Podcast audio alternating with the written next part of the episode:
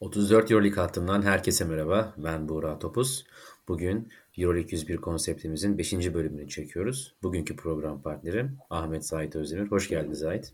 Hoş bulduk. Bayağıdır program yapamıyorduk seninle. Malum okul temposu. Ben çok özledim valla program yapmayı. Okul izin vermiyordu pek ama bu sefer kendime izin yarattım. Bakalım. Neyin beklediğini de bilmediğim bir programdayım şu anda. Evet e, değerli dinleyenler ben Zahit'e hiçbir sorumu söylemedim. Bugün serbest çağrışım bir program yapacağız. Daha öncesinden kendisine sorular hazırladım. Şimdi başlayalım. Hazır mısın Zahit? Hazırım abi. Şimdi ilk başta direkt basketboldan giriyorum tabii ki.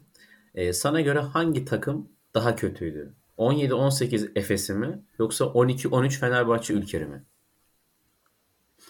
Ben galiba bu soruya 17-18 Efes'i derim. Yani şöyle bir e, sezonda o. Efes'in yaptığı büyük yatırımlar sonunda bir şey elde edememesinin e, sonrasında gerçekleşen bir yeniden yapılanma vardı. Ve o yeniden yapılanmada da transfer edilen isimler, kurulan sistem bir türlü birbirine ayak uyduramadı ve sürekli olarak fark yiyen görüntüde bir Efes vardı. Tabii sonrasındaki çıkışın da sonraki sezon işte Anadolu Efes artık Final Four e, seviyesinde bir takım haline geldi. O açıdan da böyle daha da bir kötü görünüyor da olabilir ama ben yine de buna Efes cevabını veririm galiba 17-18. Ben de kesinlikle 17-18 Efes derim. Ha, tabii ki 12-13 Fenerbahçe çünkü büyük ayak kırıklığı. Antrenör Simone Pianigiani, Romain Sato, e, Mike Batiste, e, James Anderson, e, Bomak Caleb hatta o zaman top 16 grubunda Beşiktaş'ın da altında bitirmişti Fenerbahçe ki Beşiktaş sadece bir sezon Euroleague oynadı. Yani çok da Euroleague gediklisi bir temsilcimiz değil. Ama ne olursa olsun hani Euroleague sonunculuğu çok daha beter bir durum. Kesinlikle ve kesinlikle ben de 17-18 Efes diyorum. Ekleyeceğim başka bir şey yoksa diğer soruya geçelim. Yok abi bu soru için ekleyeceğim bir şey yok. Biraz tamam. ısınalım. Tamam. Şimdi önümüzdeki soru da biraz yemekle alakalı. Hangi basketbolcuyla veya koçla, ya bu emekli de olabilir. Taksim Kızılkayalar'da ıslak hamburger yemeye gidersin abi. Şimdi mekan biraz farklı oldu. Taksim Kızılkayalar'da ayaküstü sohbet. O biraz da tabii havanın soğuk olması daha keyifli olur. Yemek deyince direkt Obradoviç diyecektim ama Kızılkayalar deyince bir şimdi oradan saptım baya. Abi Kızılkayalara kimle gidilir? Ya galiba böyle Yasikevicius diyeceğim. Onun böyle basketbolla ilgili sohbetin tam böyle ayaküstü daha sıcak kanlı aktarabilecek bir insan gibi geliyor bana. O yüzden herhalde Yasikevicius'a gitmek isterdim. Ama bir Türk oyuncu sorarsan e, yani veya bir Türk koç hani Türk birisi söylemem gerekirse. Yok fark etmez ya. İstediğin kişiyi seçebilirsin ya. O, onu da söylemek istiyorum abi. O da galiba Göksel'in Köksal olur. Çünkü çok bağlama oturttum. Göksel'in Köksal'la böyle hani ıslak hamburger yemek gayet keyifli olabilir. Bilmiyorum ne konuşuruz ama ıslak hamburgerle ilgili konuşabiliriz gayet. Yani aynen. Şimdi ayaküstü sohbet Göksel'in Köksal çok bilemedim ya. ben kesinlikle ve kesinlikle Duşko Vjosevic abi. Partizan'ın eski antrenörü. Özellikle kendisiyle 2010 Final Four'unu konuşmak isterdim. Paris'te e, Olympiakos'a karşı son saniyede bir basket yediler ve finale çıkamadılar. O zaman da Duşan Keçmanlar, Boma Kalıplar, Yan Veseli hepsi o zaman Partizan'ın kadrosundaydı. Kesinlikle Duşko Vjosevic'le bu 2010 e, Final Four'unu konuşmak isterdim. Taksim'de. Abi bu arada bu arada iki isim daha söylemem lazım. Tabii tabii. Birisi işin aslında basketbol yorumculuğu tarafında bir Kaan Kural'la nerede olursa olsun yemek yiyeceğim bir isim olmasını çok isterdim.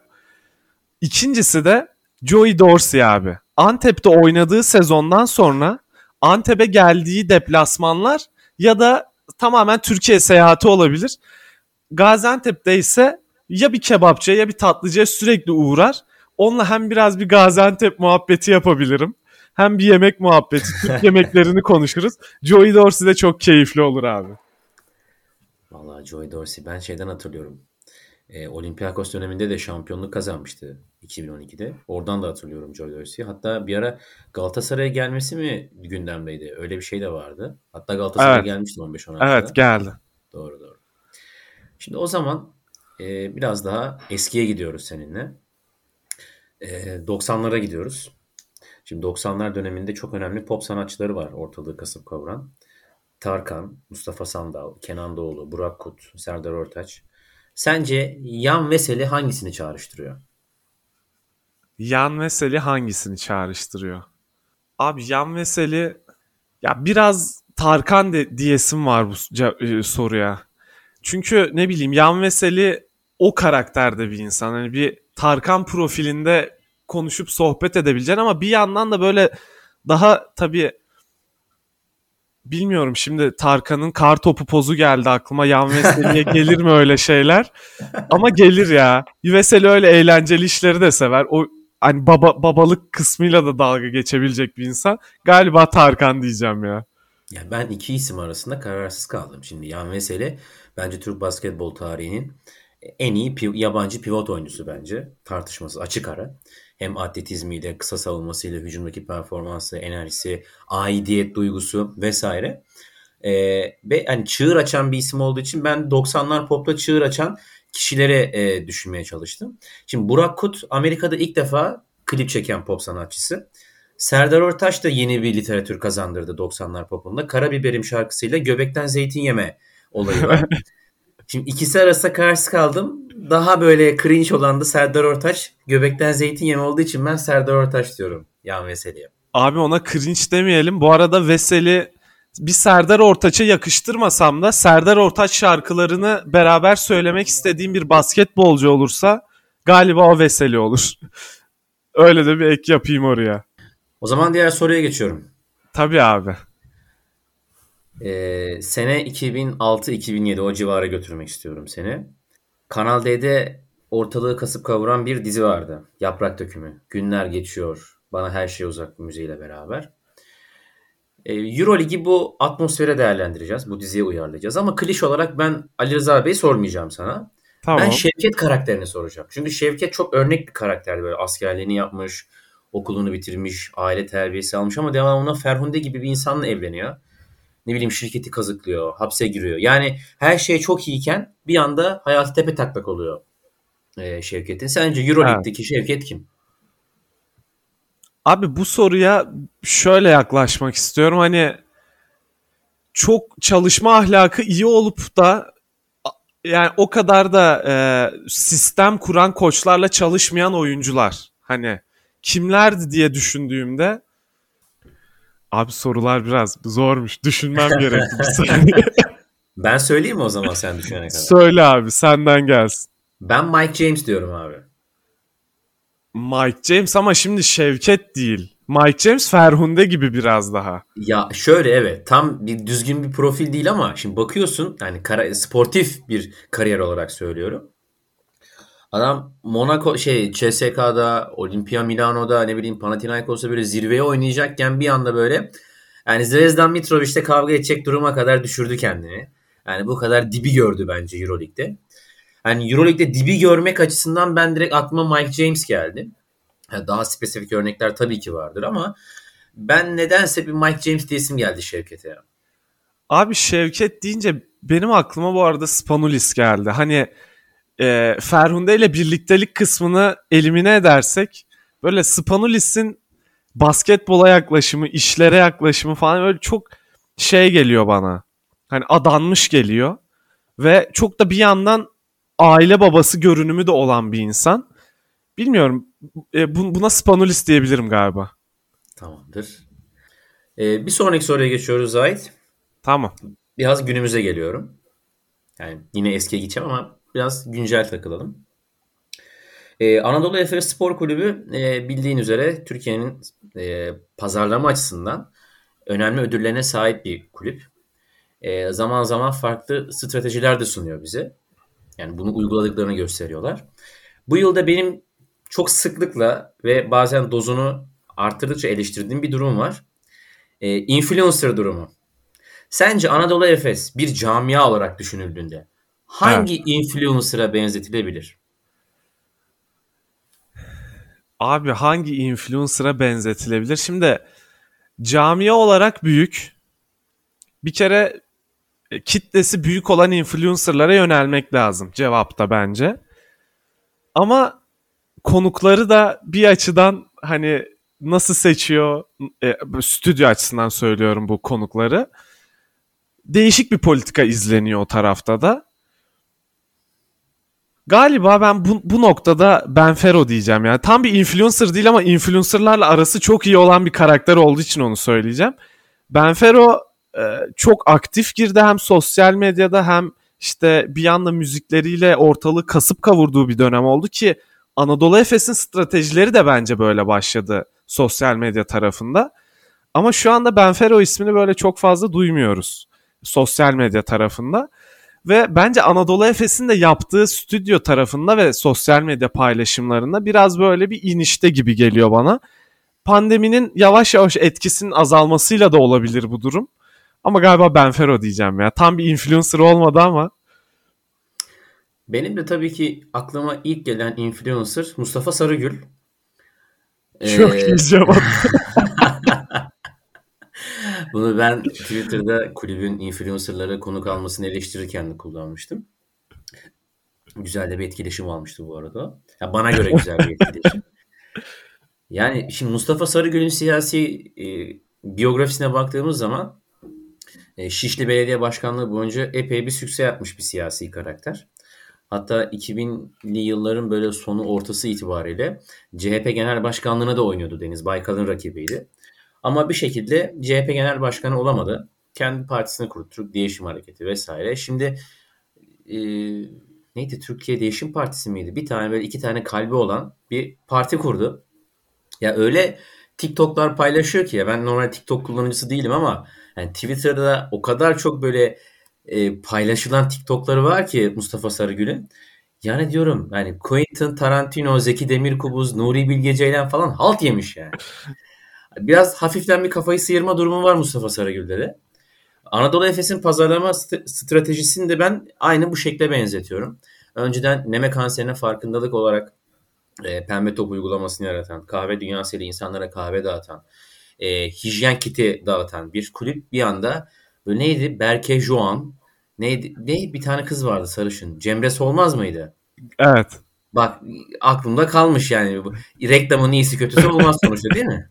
Aklımda kalmış ya. Bunların kulübe konuk olarak gelmesini ben hiçbir şekilde sindiremedim. Ya tamam basketbol sadece bir popülasyonun tekelinde olan bir spor değil. Herkes basketbolla ilgilenebilir. Herkes basketbolla ilgili düşüncelerini gösterebilir ama yani kimin kocası bu TikTok'ları çeken, Cevahir AVM'de 7-24 takılan insanlar da Anadolu Efes gibi son Avrupa şampiyonunun konukları olmasın. Hani aynı ayıbı zaten şampiyonluk kutlamasında yaptılar. Hani basketbol topunu karpuz niyetine e, kesecek olan insanları e, kutlamaya aldılar. E, yani bilmiyorum. Ben direkt Mustafa Sarıgül diyorum. Ve diğer soruya geçiyorum ekleyecek abi, şey. Abi bu arada ben iki Hı. şey daha ekleyebilirim. Tabii tabii. Anadolu Efes'in hani sadece basketbol tarafında faaliyet gösteren bir kulüp olması nedeniyle hani influencerlar tarafından ilgi gören bir kulüp olduğunu biliyoruz aslında. Hani maçlar çünkü daha böyle profil olarak da e, seyirci kitlesi bir influencer'ın gelip maç izledim, maç günü deneyimi yaşadım, gittim gibi tanıtabileceği, keyif alabileceği ve bunu takip, takipçileriyle paylaşabileceği bir ortam var. O açıdan hani Ahmet Aksöz olsun, Sude Alkış olsun daha birçok isim vardır. E, İlayda Akdoğan olabilir. Bu, bu gibi isimler de aslında e, salonda gelip maç izliyor ve bunları paylaşıyor. Bu açıdan hani Anadolu Efes'in oraya yönelmesini bir açıdan mantıklı bulabiliriz. Şunu da söyleyeyim maç günü deneyimi olarak bence hala Sinan Erdem'de çok keyifli şeyler oluyor ama bu eleştiriler biraz stüdyo tarafına yönelik. Kendi adıma onu söyleyebilirim. Ya ama şimdi bak tamam elma ile armudu karıştırmamak lazım ama sonuçta orada Anadolu Efes'in logosu ve Anadolu Efes'in ismi var. Hani bir marka olarak Anadolu Efes stüdyo yani bu çok detaylandırmak istemiyorum şimdi bu konu. Bu apayrı bir şey ama ben genel olarak zaten influencer kavramına karşı bir insanım. Yani mesela Şimdi ismini zikretmeyeyim. Reklamı olmasın. Gerçi bizde reklamı olsan olur ama. Yani bir soluk paylaşıyor birisi. Bittikçe doldurabilirsiniz diyor. Allah Allah yani Amerika'yı yeniden keşfettin. Aferin eyvallah ya. Neyse geçiyorum. reklamı, şey. reklamı çok güzel oldu bu arada. Reklamın iyisi oldu bu. Kötüsü de olmadı. Ya bence kötüsü ama işte ne diyeyim. Neyse. Şimdi Sayın Özdemir. Türk televizyon tarihinde pek çok kavga var ama e, bir tane kavgaya götürmek istiyorum ben seni. Ne dedin sen kavgası. O zaman Hande Ataizi iki kere Kiki diye bir program sunuyordu ve konukları Arto, Cem Davran ve Hande Ataizi'ydi. E, Sevda Demirel'de pardon. Sevda Demirel. E, program devam ederken e, Hande Ataizi ve Sevda Demirel bir anda böyle birbirine girdiler. Hani laf olarak sataştılar birbirine. Sonra Sevda Demirel kalktı bir tane yapıştırdı Hande Ataizi'ye. Böyle evet. bildiğin ok, okkalı bir tokat vurdu. Sence buradaki Sevda Demirel kim? Hande Ataizi kim? Abi yani Sevda Demirel deyince direkt aklıma Trinkieri geliyor aslında. Niye? Hani bir nedene ihtiyacı yok çünkü oyuncularına yeterince sert davranabilen bir isim. Evet. Çok da ani de çıkış gösterir. Ama bu soruya galiba Dušan Ivković Doğuş Balba ikilisini söyleyeceğim. Benim, benim cevabımı çaldın bu arada yani. ben onu düşünerek bu soruyu hazırlamıştım. Bu, bunu seninle de konuşmuştuk zaten daha önce. Ama o çok keyifli bir andı gerçekten. O zaman ben cevabımı değiştiriyorum. Alternatif cevaba geçiyorum B planında. Ben Obradoviç Melih Mahmutoğlu diyorum. Aa, o da çok iyi cevap ama. Şimdi gerçekten aslında Obradoviç ve herhangi bir oyuncusu da diyebiliriz buna. Görüp yani görmediğimiz. bir tokat yok da normal. Evet. Hani psikolojik bir tokat var. Aynen öyle. Ya bak ben yaşım 25. 2011'den beri çok detaylı bir şekilde takip ediyorum Euroligi. Yani hiçbir şekilde yani bir koç bir oyuncuya bağırabilir niye reboundu almadın falan filan diyebilir. Bir e, Obradovic'in Datome şimdi söylemeyeyim hangi küfür ettiğini İngilizce. Bir o küfürü acayip şaşırtmıştı beni. Bir de geçen sene Ergin Ataman'ın Real Madrid maçında normal sezonda ama bir anda do the bilmem ne defense diye bir şey söylemişti. Lan dedim ne diyor bu adam dedim ya. ya şaşırdı herhalde. O kadar kamera çekiyor bütün Avrupa seni seyrediyor vesaire. Ama Obradovic'in Datome o küfürü hakikaten hiç denk gelmediğim bir şey yani. Ya Dušan Ivković falan mesela e, bayağı Sırpça sövüyor. Hani yine evet. söylemeyeyim ben Sırpça küfürleri ama sayıyor sövüyor. Yani ağzını okuduğum zaman anlayabiliyorum ne söylediğini ama İngilizce olarak herkesin de anlayabileceği o international dilde küfür eden, oyuncusuna bağırıp çağıran. Şimdi Yasikevicius biraz Obradovic'çilik yapıyor ama çok taklit duruyor ya. ya. Hiç durmuyor adamın üstünde. Abi Yasikevicius'un aslında bu açıdan biraz fazla eleştirildiğini düşünmeye başladım ben. Hani o kadar Obradovic'le özdeşleştiriliyor ki bu hareketleri. Aslında Yasikevicius'un da içinde bu var. Bir açıdan hatta daha böyle muzip bir tavrı da var. Yeri gel özellikle Jalgiris zamanında böyle daha hedefleri belli bir seviyedeydi. Ne kadar playoff da yapsalar. O zaman da böyle oyuncularıyla daha böyle bir yakın olan şu anda tabii e, artık o egolar daha da büyüdü çalıştırdı takımda Barcelona'da. Ama Jalgiris zamanında da bu tarz ifadeleri çok kolay kullanan bir insandı bence. Ya ben direkt bu olayı neye benzetiyorum biliyor musun? Fatih Terim, Hikmet Karaman. Yani Fatih Terim bir Türk futbolunun teknik direktörlük anlamında bir hani başka bir boyut. Yani erişilemez bir boyut. Hikmet Karaman'ı görüyorsun böyle sağ kenarında onun gibi dudak hareketleri yapıyor. Hareketler yapıyor. İşte İtalyanca konuşmadığı kaldı. Yakında onu da yapar. Ne bileyim. E, Ocean'la Fatto Belle falanlar böyle Hikmet Karaman'da. Aynı ben ona benzetiyorum yani. Obradoviç Fatih Terim. Yasikevicius da Hikmet Karaman'dır benim için ya. Şey açısından ama sportif açıdan değil. Yani taklit, aura açısından ya. O zaman geçiyoruz diğer soruya. Şimdi Ergin Ataman. Bence Türk basketbol tarihinin açık ara en iyi yerli antrenörü. Şimdi bir duru, onun da bir çok ayrı bir duruşu var. Böyle biraz ağır, çok fazla böyle insanlara minnet etmeyen, kendine ait bir duruşu var. Benim de aklıma böyle bazen şey geliyor böyle arabeskin babaları olur ya böyle. Orhan Gencebay, Müslüm Gürses böyle Ferdi Tayfur. Tabii. Öyle birisine benzetecek olsan böyle arabesk müziğin babalarından birine benzetecek olsan kime benzetirdin Ergin Ataman?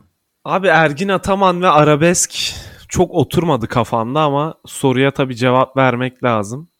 Yok müzik olarak demiyorum hani arabeskin tabii, tabii. babaları profilli olarak diyorum. Tabii tabii. Profil olarak da Ergin Ataman'da ben bir arabesklik bulamıyorum aslında. Abi ben bu soruya şöyle bir cevap vereyim. Tabii. Hi, dediğim gibi hiçbir şekilde kafamda Ergin Ataman'ı bir babaya benzetemedim. Arabeskin bir babasına. Ama Müslüm Gürses diyesim var. Neden bilmiyorum. Aynı Ceva- cevabımı vereyim sadece yani. Bir çağrışım olarak bir şey yok kafamda çünkü. Yani şöyle söyleyeyim ben. Hani Ferdi Tayfur böyle dışarıdan bakıldığı zaman sürekli böyle ağlamaklı bir şekilde şarkı söyleyen bir e, arabesk sanatçısı.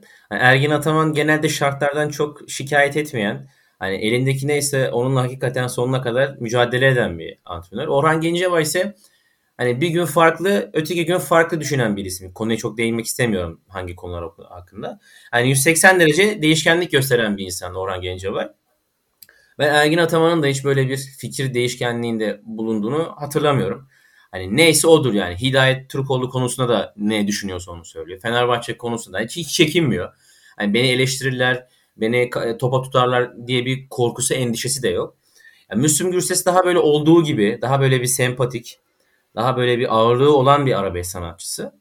Ve aralarında da benim en çok sevdiğim arabesk sanatçılarından birisidir Müslüm Gürses. Ben de Müslüm Gürses demek istiyorum.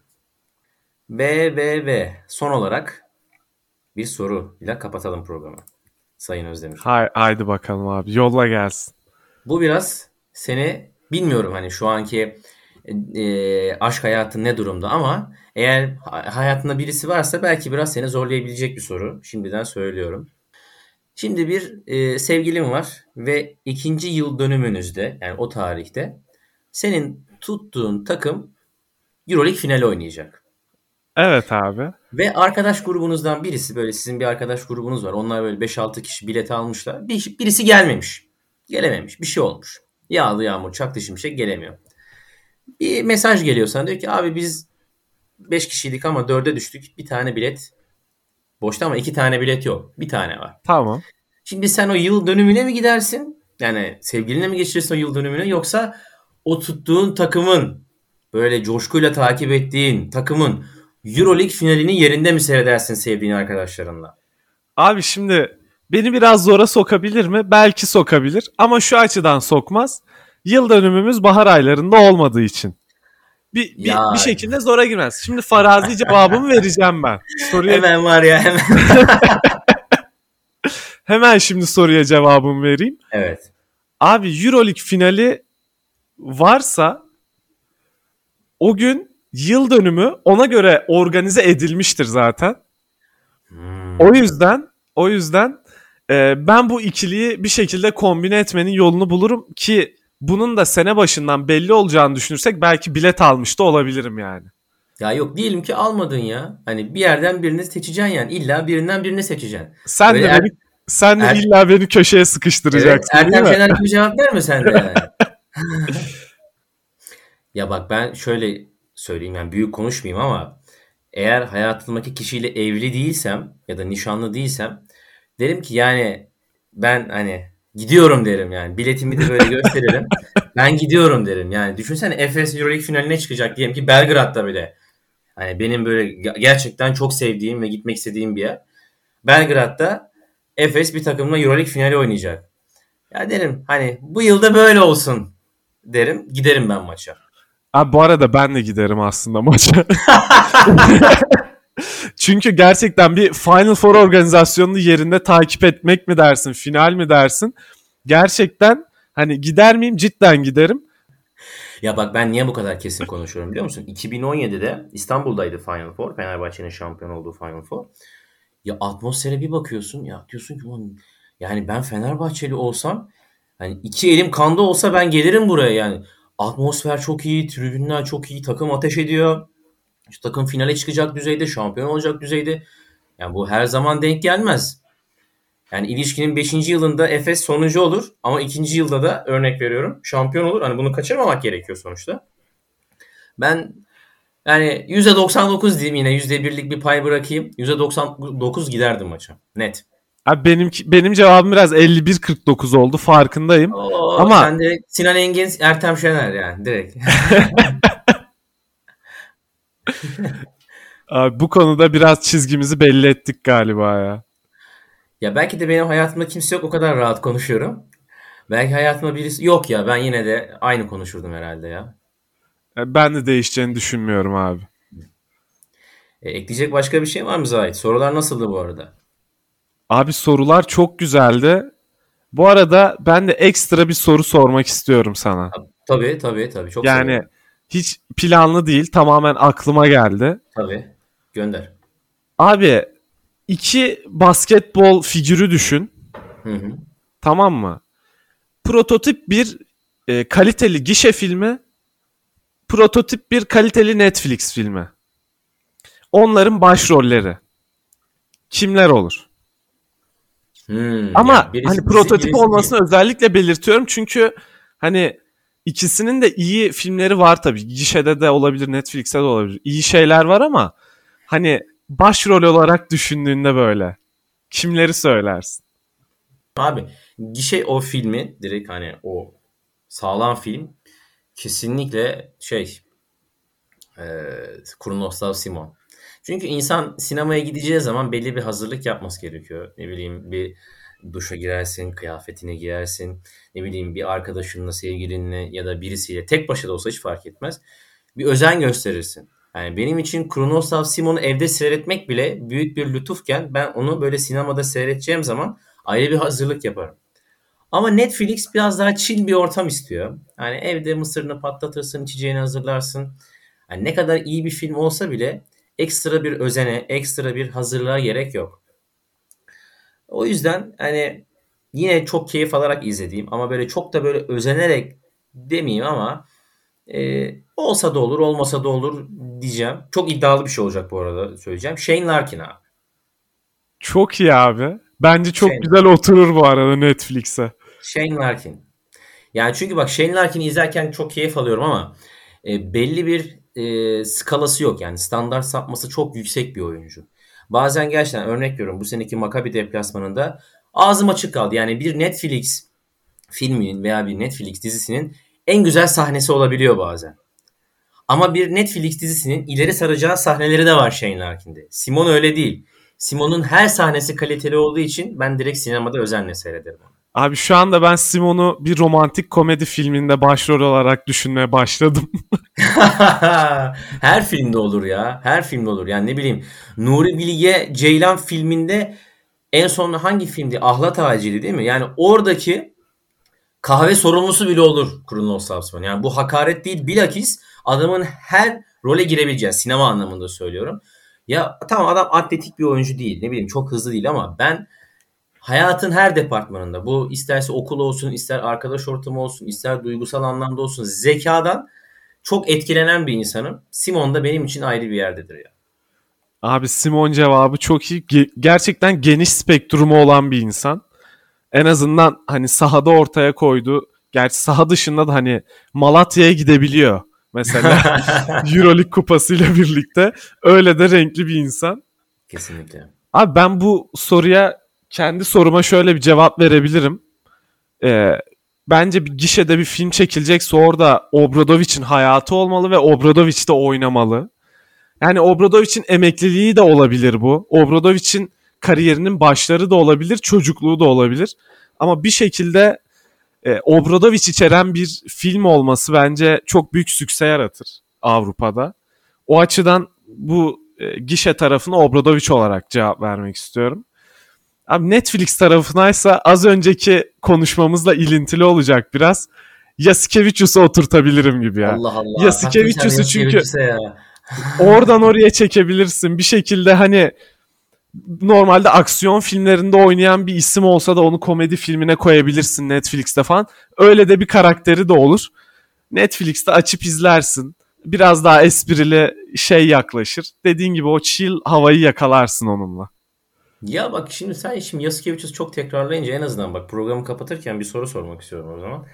Sen keyif alıyor musun Yasikevicius'un oynattığı basketboldan? Barcelona özelinde söylüyorum ama bunu. Zalgiris dönemi için kastetmiyorum. Bu seneki Barcelona'dan bahsediyorum. Çünkü açık ara liderler hani Euroleague'de. E, Sportif anlamda çok iyi gözüküyorlar ama ben hiç keyif almıyorum mesela izlerken Barcelona. Abi ben Yasikevicius'un basketbolunu gerçekten Žalgiris'te seviyordum ama Barcelona döneminin başından beri hiç sevmiyorum. Başarılı başarısız olarak söylemiyorum. İzlemeyi sevmiyorum. Ee, Yani ortaya koyduğu şeylerle kupaya da uzanabilir. Ama seyir zevki bir basketbol sever olarak yok yani. Maalesef yok. Ya ben de mesela 128 tane uzun olsa hepsini bir yerde oynatacak bir adam. Öyle Bu abi. kadar, bu kadar uzun sevdası niye var ben anlamadım yani. Evet Zahit Özdemir. Valla benim için çok keyifli bir programdı. Abi ben de çok keyif aldım. Gerçekten hani hazırlıksız olması da biraz daha tatlılaştırdı benim için bölümü. Ya ben bunun için bilerek söylemedim sana soruları daha önceden. e, kurgu olduğu düşünülmesin diye böyle bir yol haritası izledim. Söyleyecek başka bir şey yoksa kapatalım Zahit. Abi dediğim gibi ben çok keyif aldım. Kapatabiliriz bölümü. Tamamdır. Euroleague 101'in 5. bölümü bu şekildeydi değerli dinleyenler. Hepinize keyifli dinlemeler. Hoşçakalın. Hoşçakalın.